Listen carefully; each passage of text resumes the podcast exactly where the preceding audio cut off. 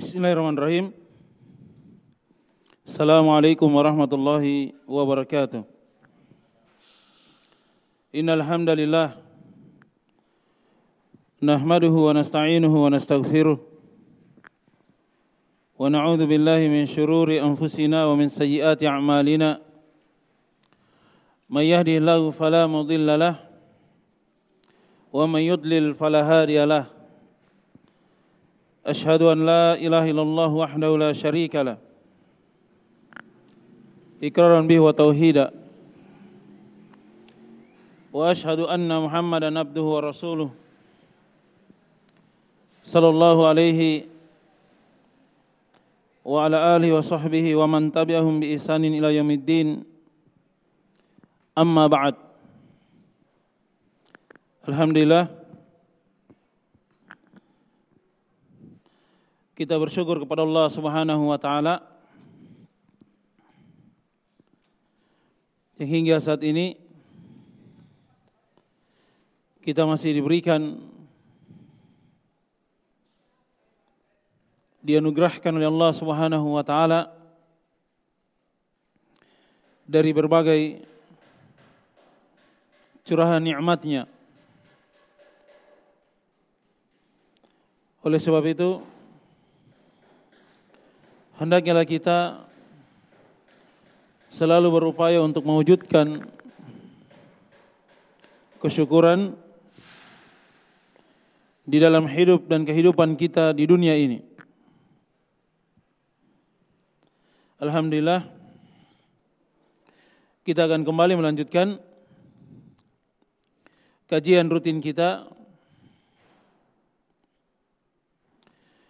di hari Sabtu ba'dal asar dengan judul Risalah Al-Usulus Sita.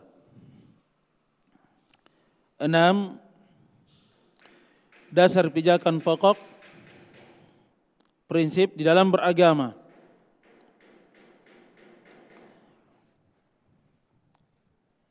Risalah atau tulisan yang ringkas ini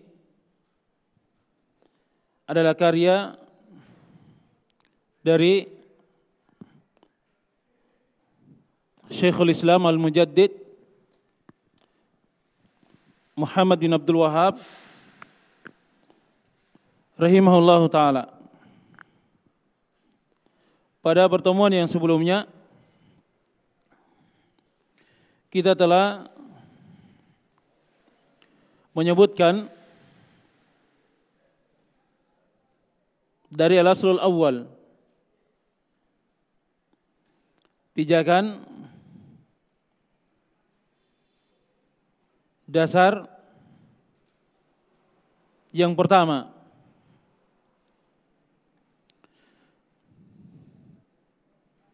Kata penulis rahimahullah taala ikhlasul dini lillahi taala wahdah la syarikalah mengikhlaskan seluruh agama ini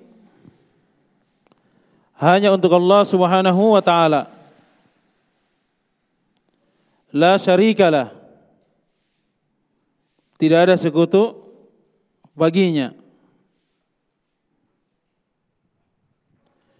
Wa bayanu diddihi alladhi huwa syirku billah. Dan penjelasan lawan dari keikhlasan.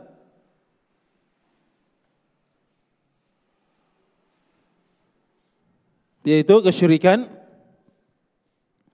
kepada Allah Subhanahu wa taala.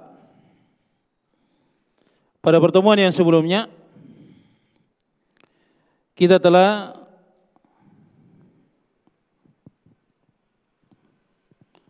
menjelaskan dari makna definisi keikhlasan.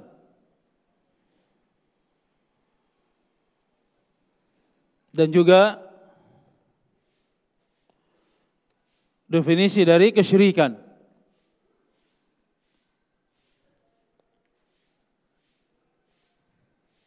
Ini telah berlalu dari penjelasannya.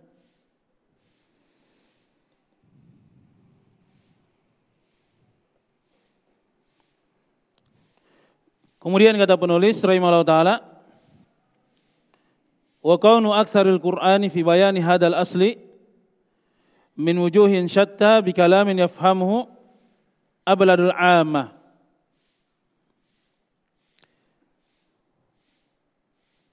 Dan hakikat kandungan dari kebanyakan Al-Quranul Karim adalah menjelaskan tentang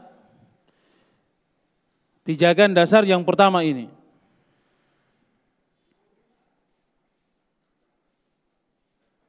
Di dalam Al-Quranul Karim,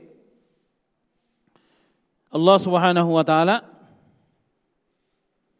menjelaskan dari berbagai sisi yang beraneka ragam tentang tauhid, keikhlasan, memurnikan ibadah hanya untuk Allah Subhanahu wa taala semata. Dan juga dijelaskan tentang lawannya yaitu kesyirikan kepada Allah Subhanahu wa taala. Dengan kalimat ucapan yang mudah untuk dipahami oleh orang-orang umum yang lambat dari pemahamannya. Abladul amah yang paling balitnya kalau disampaikan sesuatu biasanya tidak langsung difahami kecuali diulangi beberapa kali. Barulah mereka yang dinamakan dengan balit itu baru memahaminya. Tapi kalau berkaitan dengan mengikhlaskan ibadah hanya untuk Allah Subhanahu wa taala semata dan juga penjelasan tentang lawannya kesyirikan itu sangatlah mudah untuk difahami. Misalnya di dalam Al-Qur'anul Karim Allah Jalla wa Ala berfirman wa'budullaha wa la tusyriku bihi syai'an wa'budullah beribadalah kalian. Hanya kepada Allah Subhanahu wa taala semata. Wala tusyriku bihi syai'an. Dan janganlah melakukan kesyirikan kepada Allah Subhanahu wa taala dengan sesuatu apa pun. Sedikit pun. Jelas ya? Ini akan mudah difahami. Orang-orang umum mereka faham bahwa kandungan dari ayat yang mulia ini Allah Subhanahu wa taala memerintahkan kepada hamba-hambanya agar mereka beribadah hanya kepadanya. Dan juga Allah Subhanahu wa taala melarang melakukan kesyirikan kepadanya dengan sesuatu apa pun. Ini kan mudah untuk difahami. Asalnya ya memang Al-Qur'anul Karim adalah hal yang amat mudah untuk difahami. Allah Subhanahu wa taala menyebutkan dalam firman-Nya Walaqad yassarna al-Qur'ana lidzikri fahal min muddakir. Dalam surah Al-Qamar kata Allah Subhanahu wa taala Dan sungguh kami telah memudahkan Al-Quran sebagai pengingat. Fahal mimuddakir. Maka adakah yang mau mengingat? Mengambil pelajaran dari Al-Quranul Karim. Al-Imam Ibn Kathir rahimahullah ta'ala Beliau menyebutkan dalam tafsirnya Maksud penjelasan dari ayat ini kata beliau sahalna lafzahu wa yassarna ma'nahu liman aradahu liyatadhakkarun nasu Allah Subhanahu wa taala yassarna maksudnya Allah Subhanahu wa taala telah memudahkan Al-Qur'anul Karim ini pada lafadznya. Dan juga Allah Subhanahu wa taala memudahkan di dalam memahami maknanya. Bagi siapa yang menginginkan hal tersebut. Jelas ya? Agar manusia ini mengambil pelajaran peringatan darinya. Allah Subhanahu wa taala yang telah memudahkan Al-Qur'anul Karim dari sisi lafadznya, kandungan maknanya itu pada prinsipnya adalah mudah. Oleh sebab itu, al-aslul awal ini dijadikan dasar yang pertama yang disebutkan oleh penulis rahimahullah taala itu juga difahami oleh mereka yang dianggap balid di tengah orang-orang umum. Jelas ya?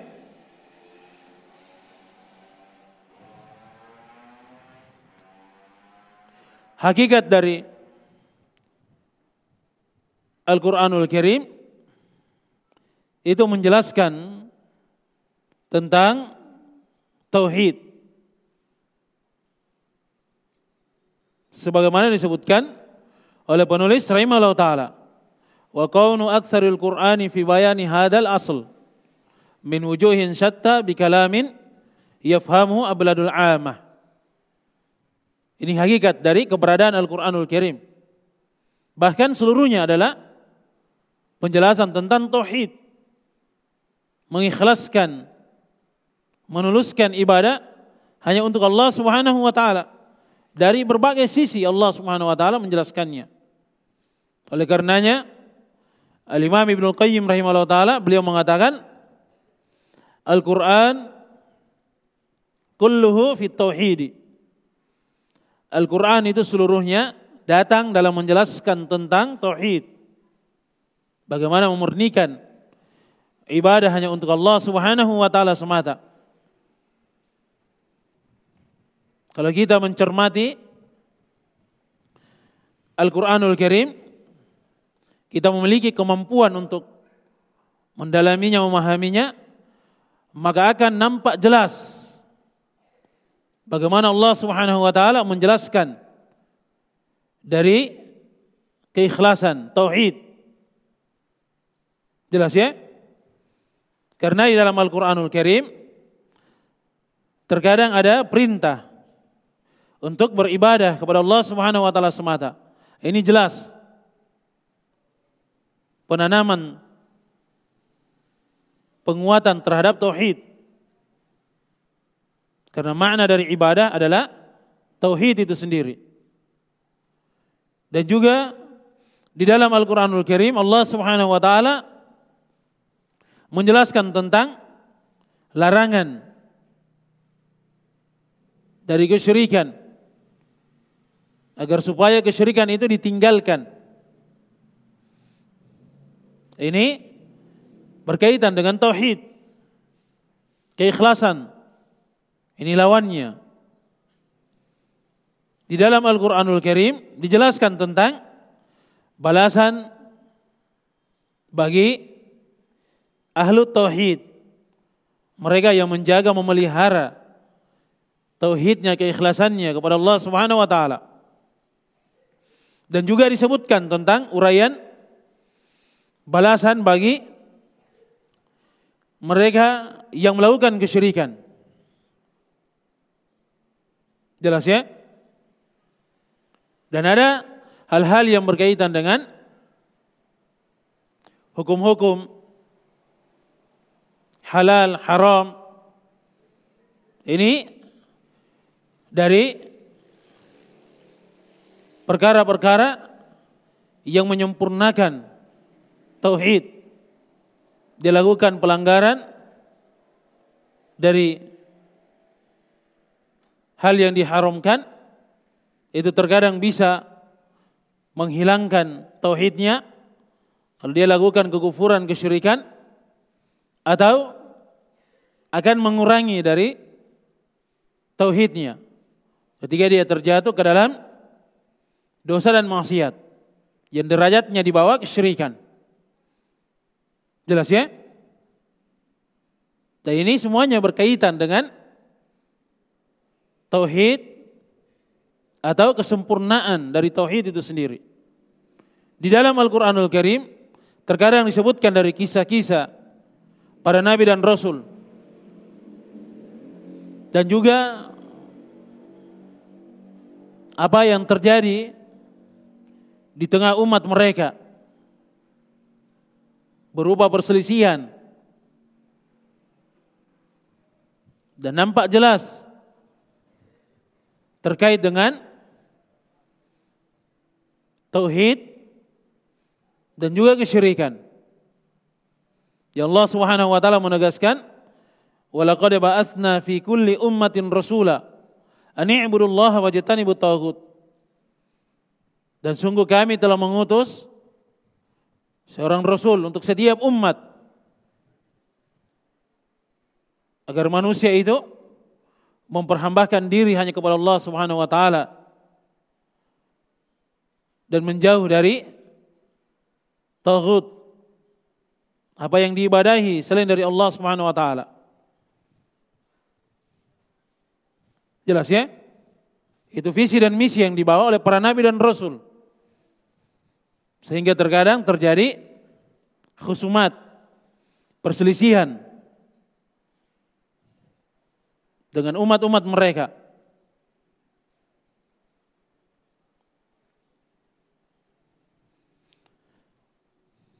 Oleh sebab itu, Al-Quran kulluhu tauhid.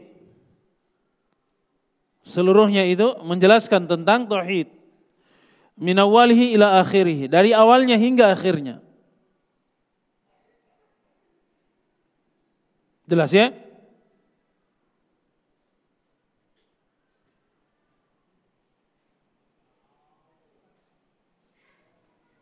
Hanya saja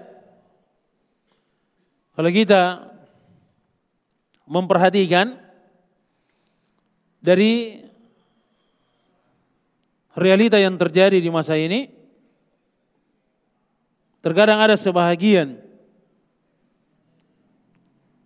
manusia yang mereka pandai dari membaca Al-Quranul Karim. Perhatian terhadap lafad-lafadnya. Ketika dia membaca Al-Quranul Karim, dia perhatikan dari makharijul huruf tajwidnya. Bahkan ada yang berlebihan. Dia pelajari hal itu. Jelas ya? Hanya saja kalau kita melihat dari amalan-amalannya itu bertolak belakang dengan apa yang dia baca. Membaca Al-Quranul Karim, tapi yang dia lakukan adalah kesyirikan menduakan Allah Subhanahu wa taala di dalam peribadatan. Jelas ya? Di dalam Al-Qur'anul Karim dia membaca perintah untuk mentauhidkan Allah Subhanahu wa taala. Ada kalimat la ilaha illallah. Tapi dia tidak memahami dari maknanya.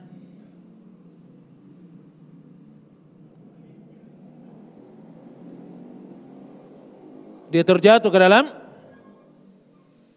kesyirikan kepada Allah Subhanahu wa taala. Kalau ditanyakan tentang makna la ilaha illallah, dia akan berkata, ya saya tidak tahu, saya tidak paham. Hanya sekedar dia membaca saja. Jelas ya? Oleh sebab itu, ya harusnya ya seorang muslim dan muslimah dia ketika membaca Al-Qur'anul Karim Ya paling tidak dia fahami dari maknanya. Apalagi hal-hal yang berkaitan tentang tauhid. Perintah beribadah hanya kepada Allah Subhanahu wa taala.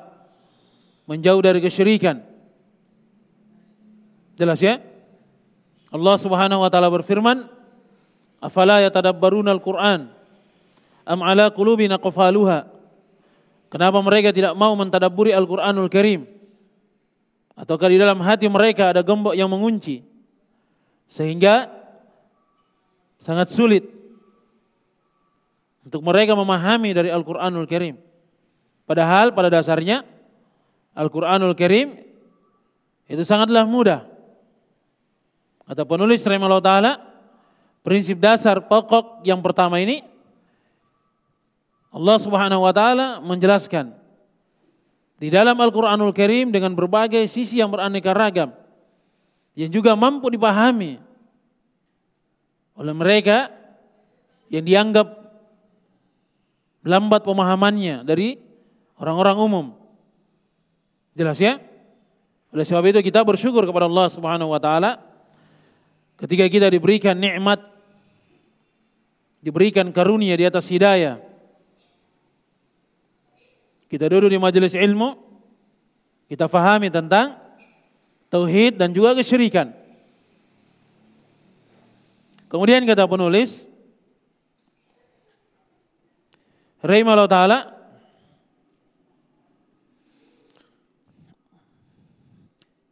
ثم لما صار على أكثر الأمة ما صار أظهر لهم الشيطان الإخلاص في سورة تنقص الصالحين وتكسير في حقوقهم. wa adharu lahum syirka billah fi surati mahabbati salihin Kata beliau rahimahullah taala kemudian ketika terjadi perubahan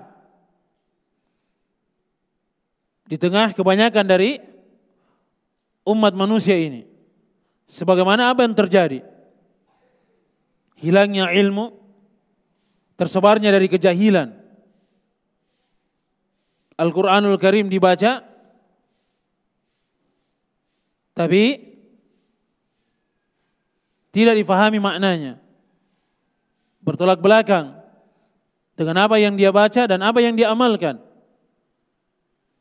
Oleh sebab itu kata sebahagian dari para ulama, wa kamin qari'il Qur'an wal Qur'anu yal'anu. Betapa banyak dari orang yang membaca Al-Qur'anul Karim tapi Al-Quranul Karim justru yang melaknat dirinya. Jelas ya? Tersebar dari kejahilan. Manusia mulai malas untuk belajar, menuntut ilmu. Tersibukkan dengan berbagai aktivitas pada kehidupan dunianya. Adharu lahum syaitanu al-ikhlas fi surat Tanaqqus Salihin. Maka syaitan berhasil menampakkan kepada manusia keikhlasan itu dalam bentuk mencacati, mengurangi dari hak-hak orang-orang yang saleh. Jadi kalau ada misalnya yang menyuruh untuk beribadah hanya kepada Allah Subhanahu wa taala, melarang manusia melakukan kesyirikan, memberikan peringatan kepada manusia, jangan mendekati dari kesyirikan, meminta di tempat-tempat yang dikeramatkan kuburan orang-orang yang soleh, maka syaitan menampakkan kepada manusia orang-orang yang melarang hal ini, yang mereka hanya beribadah kepada Allah Subhanahu wa taala semata, tidak menjadikan perantara dari orang-orang yang soleh ini itu dinampakkan sebagai bentuk mencacati, mengurangi dari hak hak orang-orang yang soleh. Dan ini yang terjadi di masa ini. Jelas ya? ya kita digelari dengan Wahabi. Oh, ini mereka ini tidak senang kalau orang-orang soleh itu dimuliakan. Orang-orang Wahabi ini tidak suka kalau orang-orang soleh itu didatangi kuburannya. Orang meminta di situ. Mereka hanya mengajak manusia untuk beribadah kepada Allah Subhanahu wa taala dan tidak menjadikan orang-orang yang soleh ini sebagai perantara antara mereka dengan Allah Subhanahu wa taala. Ini dari orang-orang yang tidak memuliakan, tidak menempatkan orang-orang yang soleh itu pada posisinya. Harusnya orang-orang yang soleh itu dimuliakan dengan cara didatangi kuburannya, Kemudian minta doa di situ. Hal-hal yang berlebih-lebihan. Jelas ya? Harusnya kalau kita datang ke kuburan itu mendoakan ahli kubur, justru ini kita meminta doa kepada ahli kubur itu. Ini kan hal yang ya sudah menyelisih dari syariat Islam. Bahkan itu adalah kesyirikan. Dan itu yang terjadi. Jelas ya?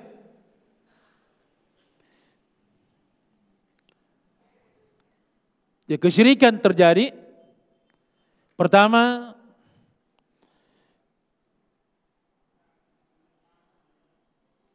terjadi pada kaumnya Nabi Nuh alaihissalam.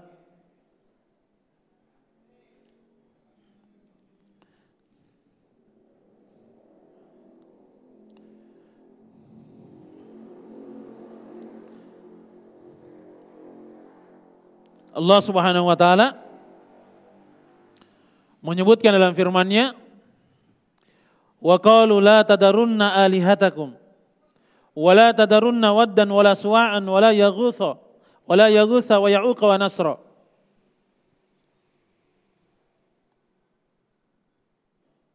Allah Subhanahu wa taala berfirman wa qalu la tadarunna alihatakum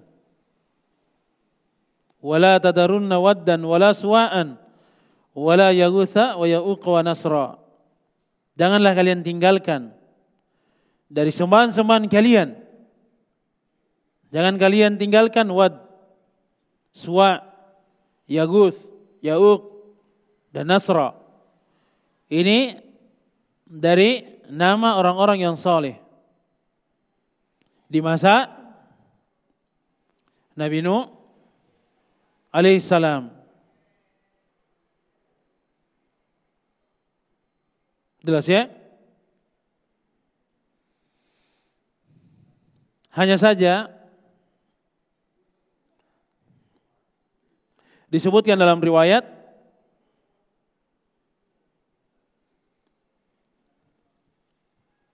dari Abdullah bin Abbas radhiyallahu taala anhuma falamma halaku ketika mereka sudah meninggal orang-orang yang soleh ini auha syaitanu ila qaumihim syaitan itu membisikkan kepada mereka aning sibu ila majalisihim allati kanu yajlisuna fi ansaban agar mereka membuat patung-patung Kemudian diberi nama dengan nama orang-orang yang soleh ini. Pada tempat-tempat yang mereka dulunya membuat majelis di situ. Supaya menjadi pengingat motivasi. Kalau malas, ah, ini orang-orang yang soleh. Akhirnya tergerak lagi. Termotivasi untuk semangat beramal.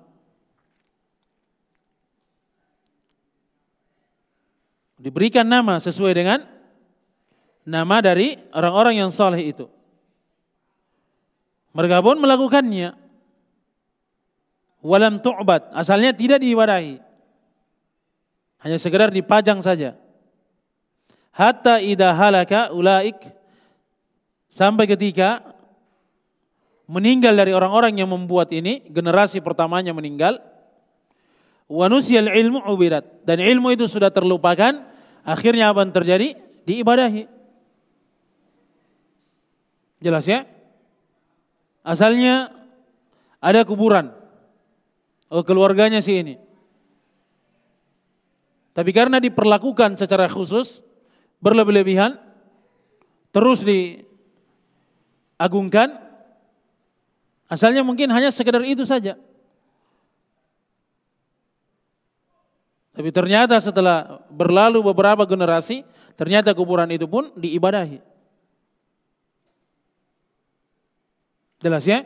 Itu seiring dengan bergulirnya waktu, hilangnya ilmu, tersebarnya kejahilan. Bid'ah yang merajalela. Jelas ya? Akhirnya syaitan berhasil menampakkan di tengah manusia keikhlasan itu dalam bentuk mengurangi mencacati dari hak-hak orang-orang yang saleh, tidak menempatkan mereka pada tempatnya.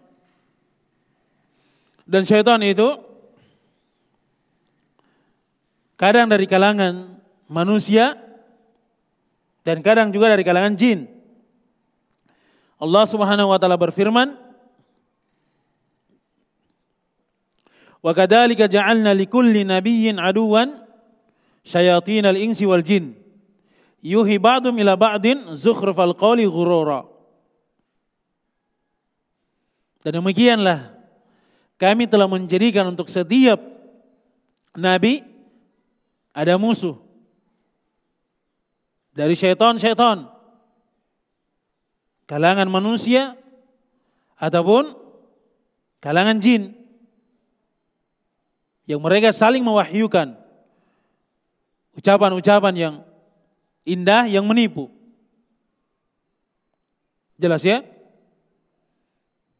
Dan kata para ulama kita, Syaitan dari kalangan manusia itu terkadang lebih dahsyat tipu dayanya dibandingkan syaitan dari kalangan jin.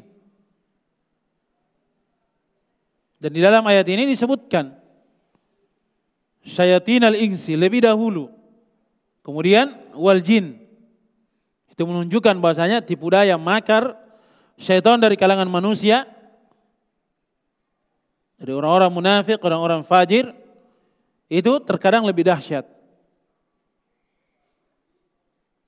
Jelas ya?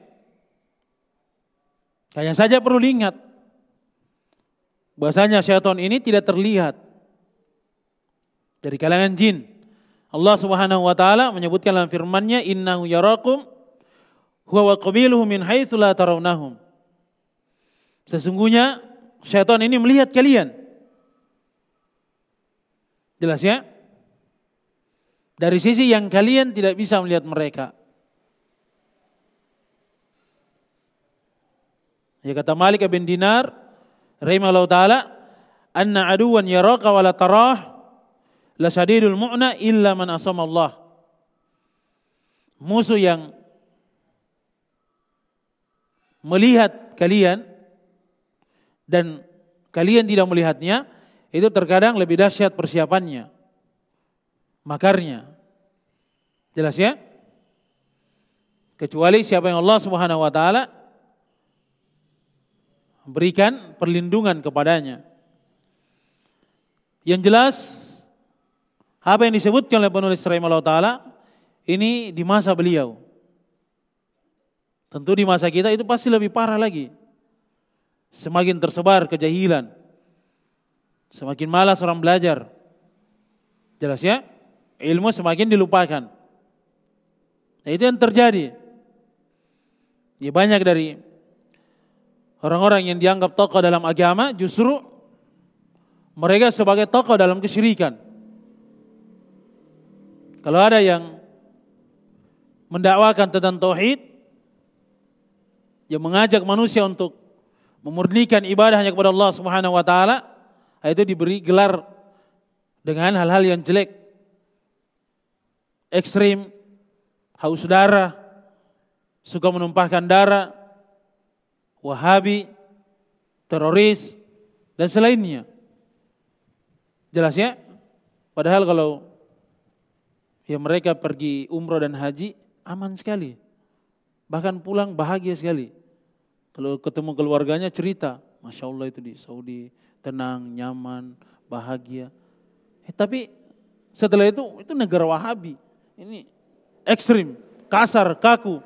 Tapi kalau pulang tidak ada cerita-cerita yang jelek, semuanya pasti baik. Semuanya indah, bahkan ingin kembali lagi. Jelas ya? Nah, itulah orang-orang memang yang sudah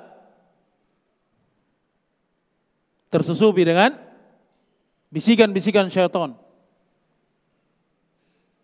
Kalau seandainya haus darah, ya sudah banyak mati itu kalau pergi umrah sama haji. Jelas ya? Itu yang apa? Yang banyak disuarakan oleh yang mereka yang benci dengan dakwah tauhid. Kalau ada yang memperingati manusia dari kesyirikan, Nah, ini dianggap sebagai orang-orang yang ekstrim. Dianggap sebagai pemecah belah umat. Umat ini sudah bersatu, sudah tenang.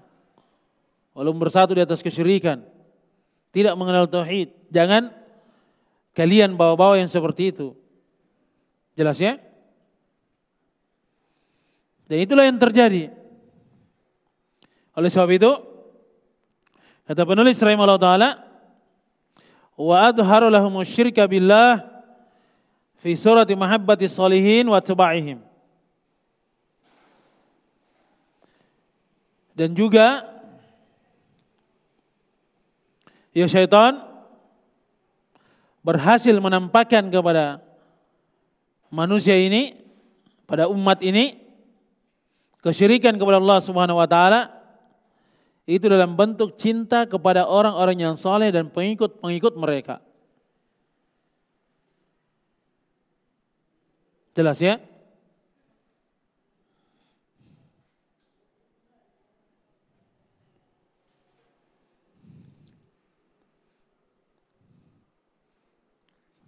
Mereka cinta kepada orang-orang yang soleh. dengan cinta yang berlebihan sampai menempatkan mereka bukan pada tempatnya. Ini namanya zalim. Dan itulah yang terjadi. Ya syaitan menjerumuskan manusia ke dalam kesyirikan.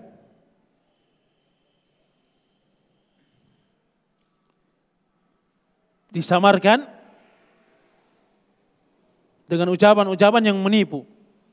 Mereka katakan ini termasuk mencintai orang-orang yang soleh, menjunjung tinggi kehormatannya, menjaga hak-haknya, menghormati mereka.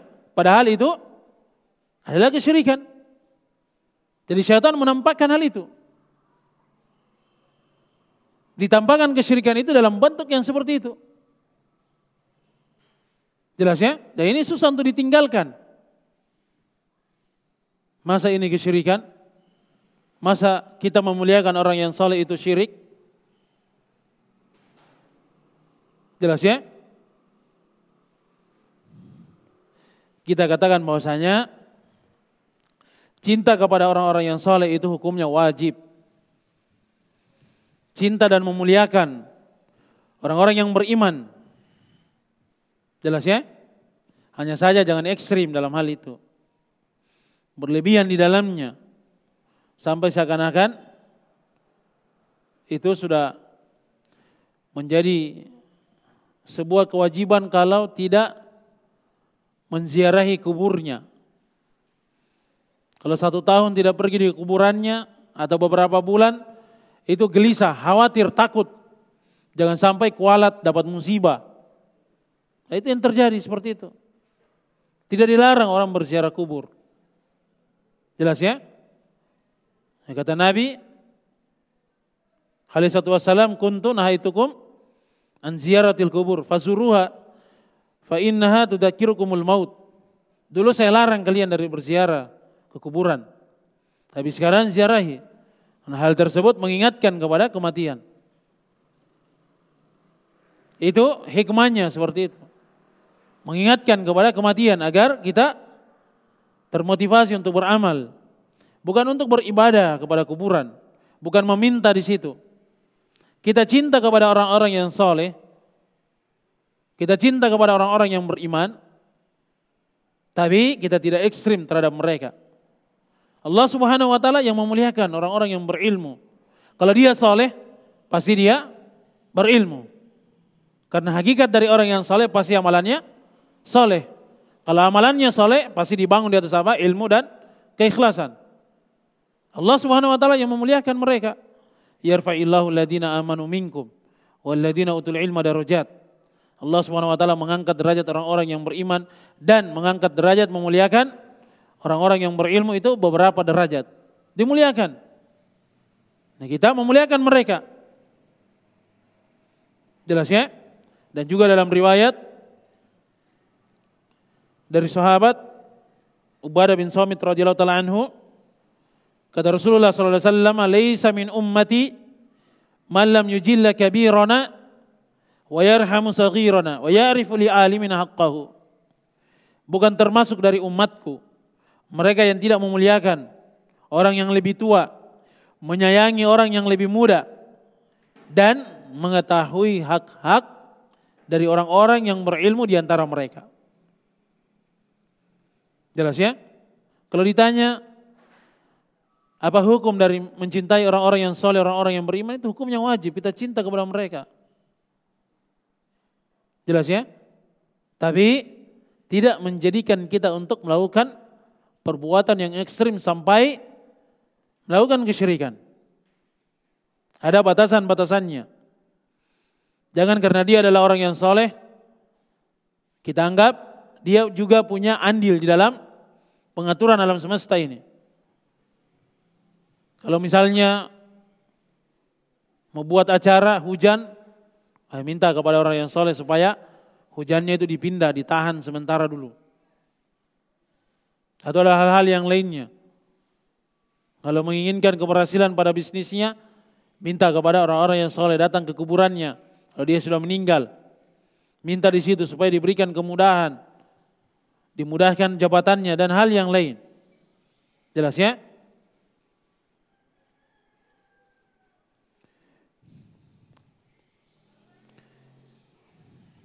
ya kemudian pembahasan yang berikutnya Ya kesimpulan dari al-aslul awal. Pijakan dasar yang pertama. Yang pertama, penulis rahimahullah ta'ala telah menjelaskan makna dari keikhlasan. Jelas ya? Kita telah menyebutkan mengikhlaskan ibadah seluruh agama ini hanya untuk Allah Subhanahu wa taala dan tidak melakukan kesyirikan. Dan keikhlasan di sini mencakup pada tiga pembagian tauhid. Ikhlas dalam uluhiyah, rububiyah dan juga al-asma sifat.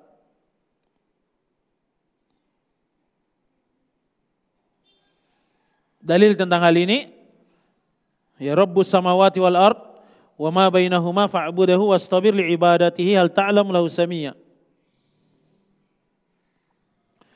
Rabb yang menguasai langit dan bumi itu rububiyah. Wa ma bainahuma dan apa yang berada di antara keduanya fa'budahu. Fa'budahu itu tauhid al-uluhiyah, beribadahlah hanya kepadanya. Wastabir li ibadatihi, bersabar untuk beribadah kepada Allah Subhanahu wa taala. Hal ta'lamu lahu samia?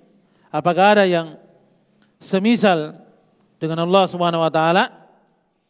Jelas ya? Ini tentang tauhid al-asma wasifat. Kemudian pembahasan yang kedua dari ucapan penulis rahimahullah taala terdapat kandungan makna la ilaha illallah. Ada penafian dan ada alisbat. Jelasnya dan ini nampak pada ucapan penulis rahimahullah taala. Ikhlasuddin lillahi taala wahdah. Ini al-itsbat. Menetapkan peribadatan itu hanya untuk Allah Subhanahu wa taala semata. La syarikalah. Ini penafian kesyirikan peribadatan kepada selain dari Allah Subhanahu wa taala. Allah Subhanahu wa taala berfirman, "Dzalika bi anna Allah wal haqqu wa anna ma yad'una min dunihi wal batil." Karena hal tersebut sesungguhnya Allah Subhanahu wa taala yang berhak untuk diibadahi. Dan apa yang mereka ibadahi, yang mereka seru min dunihi selain dari Allah Subhanahu wa taala semuanya adalah sembahan yang batil. Itu makna dari la ilaha illallah. Kemudian yang ketiga, penjelasan dari lawan tauhid yaitu syirik. Dan ini juga mencakup syirik dalam rububiyah, uluhiyah dan juga al-asma sifat. Dan tentu ini ada rincian-rinciannya ya. Kemudian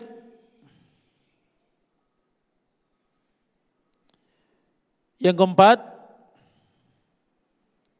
Al-Quran pada prinsipnya Allah Subhanahu wa taala mudahkan untuk dihafal dan difahami maknanya. Oleh sebab itu prinsip yang pertama ini adalah hal yang amat mudah untuk dipahami oleh orang-orang umum. Jelas ya? Dia sekedar paham saja maknanya, artinya itu sudah memberikan pelajaran bagi dirinya. Wa'budullaha wa la tusyriku bi syai'an tidak beribadah kepada selain dari Allah Subhanahu wa taala. Jelas ya? Yang dia ibadahi hanya Allah Subhanahu wa taala. Kemudian yang keenam Jelasnya prinsip yang pertama ini dari berbagai sisi yang beraneka ragam. Jelas ya? Yang juga dipahami oleh orang-orang umum. Kemudian yang ketujuh, terjadinya kesyirikan di masa ini. Tersebarnya kejahilan dan terangkatnya ilmu. Dan asalnya terjadi di masa kaum Nabi Nuh alaihissalam. Kemudian yang kedelapan, syaitan menyesatkan manusia ke dalam kesyirikan. Dan ini jelas ya, pada apa yang disebutkan oleh penulis rahimahullah ta'ala. Kemudian yang kesembilan, syaitan berhasil merubah pemahaman manusia. Kesyirikan terlihat sebagai keikhlasan dan keikhlasan terlihat sebagai kesyirikan. Itu sudah terbolak-balik pada pandangan manusia. Dan itu yang diyakini oleh manusia. Jelas ya? Kemudian yang ke sepuluh terdapat kewajiban memuliakan orang-orang yang soleh. Akan tetapi ada larangan. Jangan sampai hulu berlebihan ekstrim di dalam memuliakan orang-orang yang saleh. Terkadang sampai pada tahapan beribadah kepada mereka. Jelas ya? Dan ini dari prinsip ahli sunnah wal jamaah. Mereka selalu pertengahan. Menempatkan sesuatu itu pada tempatnya. Dilihat dari dalil-dalil syar'i bagaimana mendudukan dari pemahamannya. Jelas ya? Ya mungkin ini yang bisa kita sampaikan untuk pertemuan kita di sore hari ini. Semoga ada manfaatnya. Dan insya Allah ta'ala kita akan lanjut pada pertemuan yang berikutnya. Ya, Bismillahirrahmanirrahim ini ada pertanyaan. Bagaimana menyikapi orang tua yang masih awam untuk turut berpartisipasi mengumpulkan dana untuk membangun meninggikan bangunan kuburan kakak saya karena desakan keluarga besar ibu saya. Apakah saya tetap berkontribusi karena paksaan orang tua di samping bersabar dan doakan hidayah untuknya? Ini sudah bagus ya. Dia tetap bersabar dan mendoakan hidayah untuk orang tuanya. Ya, asalnya ya seseorang itu dia bertakwa kepada Allah Subhanahu wa taala sesuai dengan kemampuannya. Fattaqullaha mastata'tum Kalau misalnya yang meninggal ini punya keluarga, kakaknya punya anak misalnya, ada uangnya, dialihkan saja untuk diberikan kepada anak-anaknya. Dan itu lebih bermanfaat. Jelas ya? ya saya kira ini dari jawabannya. Ya. Pada pertemuan yang sebelumnya kita jelaskan bahwa pada kandungan Bismillahirrahmanirrahim, al-ba di situ bermakna isti'anah. Itu asalnya. Artinya memohon pertolongan kepada Allah Subhanahu wa taala supaya dimudahkan dari setiap apa yang akan kita lakukan. Kita meminta pertolongan kepada Allah Subhanahu wa taala. Orang-orang Mu'tazilah mereka mengatakan al-ba di situ bermakna al-musahaba. Jelas ya, tidak bermakna isti'anah. Artinya ketika dia ucapkan bismillah ketika dia ingin melakukan perbuatannya musahaba itu bergandengan dengan ucapan bismillah, hanya sebatas itu saja. Tidak ada makna al-isti'anah. Kenapa? Ini terkait dengan pemahaman mereka, akidah, keyakinan mereka. Karena orang-orang Mu'tazilah menganggap bahwasanya mereka lah yang telah menciptakan amalannya sendiri. Kalau mereka mengartikan ba di situ al-isti'anah, memohon pertolongan kepada Allah Subhanahu wa taala itu artinya amalannya ada hubungannya dengan Allah Subhanahu wa taala. Jelas ya? Dan ini adalah keyakinan yang sesat ya. Tapi kalau dikatakan bahwasanya ba di situ bermakna al-musahabah wal isti'anah itu tidak mengapa. Tapi jangan dinafikan al-isti'anahnya. Jelas ya? Itu harus diingat. Ya mungkin sampai sini dulu ya. Subhanakallah bihamdik.